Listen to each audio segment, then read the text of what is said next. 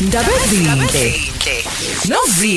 Hello Khoza FM angibingelele kuwena onyakeni omusha. Happy. Sawubona. Hello. 2023 ngiyathemba ukuthi unyaka usaniphethe kahle kakhulu. Okokuqala lezwakala emoyeni kusikhondla khondla somsakazo uKhoza FM iphimbo likalwazi aka Mlwazi. Kulonyaka ka2023 inkosi awacebe amaciko nomlwazi sibayibuza abanye kasi ngabe usiphathele ziphi kumlwazi kulonyaka cha ngiza nawo nje ama tips umhlahlandlela ama strategies azokulekelela yona kusiza as iciko akwazi ukuphendlela indlela akuvulele indlela kuyona iindustry na ke yezobumnandi namhlanje ngifuna ukuzokhuluma eqiniso ngifuna ukuzokhuluma ivari ngifuna ukuzobatshela abantu into kuyiyona yona ngoba abanye bayafihlelwa eqiniso uma ufuna ukuphumelela uyi-artist ungasayine ndawo unganayo recording label ongaphansi kwayo ezokwazi ukuhlangabeza ikwenzele izinto udinga ukuba nemali yokwazi ukuafforda ukukhokhela izinto ezidinga ukuthi wena ukwazi ukuvelela. Kuyiqiniso ukuthi mangabe uyi artist elingasayine ndawo uma ngabe uyongena e-studio uyayikhokhelela wena imali yokungena e-studio. Kuyiqiniso ukuthi uma ngabe uyi-artist elingasayine ndawo uyazenzela ama-photo shoot mangabe uyokwenza i-photo shoot kubiza ukuthi ube muhle ugqoke kahle. Lezo impahla lezo uma ngabe uyoyithenga zidingani zidinga imali. Leyo photo shoot oyoyishootha idi indoor noma outdoor photo shoot kudingani umkhokhele loyo photographer. Yonke into uyabona ukuthi idinga imali. Umculo wakho ukuze ungene online kuma digital platforms kubiza ukuthi ukhokhe ngoba ukufaka online kuyakhokhelwa umculo. Ukuregister umculo einhlakeni ezifana no Sampra no Risa no Capaso kuyakhokhelwa kudingani imali. So uyadinga ukuthi ube nemali ukhokhe. Amanye amaciko ukubone ethi hayi siyavalelwa. Hayi abafuna ukusiza abantu. Kanti hanga mhlawumbe uvalelwa. Ingoba mhlambe abantu lento bacela yona abanayo o ubacela into edinga ukuthi bangene maphaketheni abo. Kanti kahle kahle aninaso isivumelwano sokusebenzisana mhlambe sokuthi bakuphethe yini noma wena ungaphansi kwabo. Okuze kube ngconywana ilabo abasayinwe yinkampani ezithile ngoba konke lokho engikubalayo yinkampani ezisuke zibasayinile ezikwenzayo lokho.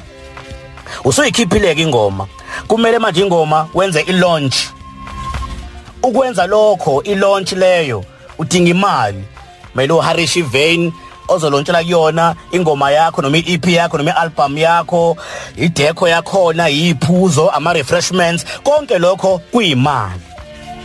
Udinga ukuthi manje ushuthe imusic video esezingeni ukuze uyithathe uyise kumabona kude ko channel O njalo njalo. Udingani ngesikhathi ushutha imusic video eprofessional udinga imali. Mase uyishuthile imusic video professional usuyiplaga kumabona kude udinga ini? Nakhona. Yonke into idinga imali. So kuyadinga mhlawumbe ukuthi noma unetalente uyiciko mhlawumbe ibe khona enye indlela ophanta ngayo noma ozama ngayo. Side hustle. Kube khona mhlambe itoho olenzayo noma ibusiness olenzayo eceleni elizokwazi ukuthi likunikeze imali ukwazi ukukhokhela lezi indleko lezi.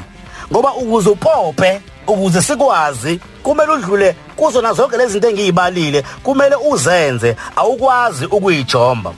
Abanye ke baze basizwe ama PR yini PR mlwazethu public relation umuntu uthola ukuthi une PR company eh, PR agency ekuyiyona mhlambe ezokuvulela iminyango. Usukhona umculo wakho usumixile kamnandi wawumasterisha wawuregister then manje sekufanele phela ukuthi umculo wakho manje ungene ebantwini usabalale kuzona zonke izifundazwe bawazi.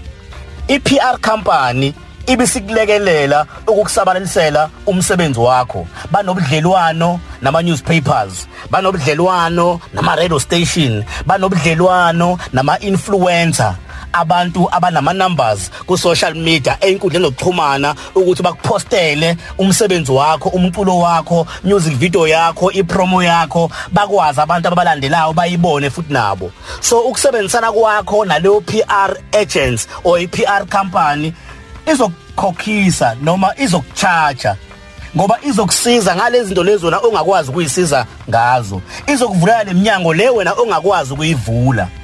Uyakhokha kuyimali bekulekelela. Usubona sekulula nje unothola ama TV interview ama radio interview newspapers interview. Abantu abadumile baposta umsebenzi wakho. Usizwa ile ya company ekwenzela iPR ngoba yona ine network ino connection inobudlelwano nabo bonke labantu laba wena obadingayo. So ukuze mhlawumbe ugcine ngempela uvelela ugcina ngempela umsebenzi wakho uba out there uduma kubiza ukuthi ngempela ube nebudget. Umculo yes uyalidinga italente kodwa after italente kudinga ukuthi ube nebudget. If unganayo ibudget wena noma imali ezophusha umsebenzi wakho wena akube khona abantu abazokholelwa emsebenzini wakho abazoinvesta kuwena abazofaka imali zabo kuwena. Bakukhokhelele zonke lezi indleko lezi engiyibalile odlula kuzona kuqala ukuze ufinyelele ebantwini umculo wakho. Ngiyacabanga ukuthi kuyazwakala. Asiqhubeke sixoxe ku Facebook awacebe amaciko nomlwazi ethi ngilandela. Soqhubeka sixoxe khona. Noma ungithinte ku WhatsApp ngikulekelele ukukunikeza ama PR agencies are right angasiwona ama scammer nase size abaculi abaningi obukela kubona abadumile ngoba nabo bayakhokha labaculi abadumile ukuze umsebenzi wabo usabalale. Ngithinta ku WhatsApp 063 292 1737 063 292 1737 nango 2023 ungabalibali ungabakhohlwa labo P bangaki labo P bane. Shona emva kwami. Phaphama. Phikelela. Phokophela phumelela mangabe wenze njalo impela yovelela kuyona ientertainment industry. Madladla qhubeka ubanikeze indaba ezinhle kulolu hlelo indaba ezinhle. Indaba ezinhle.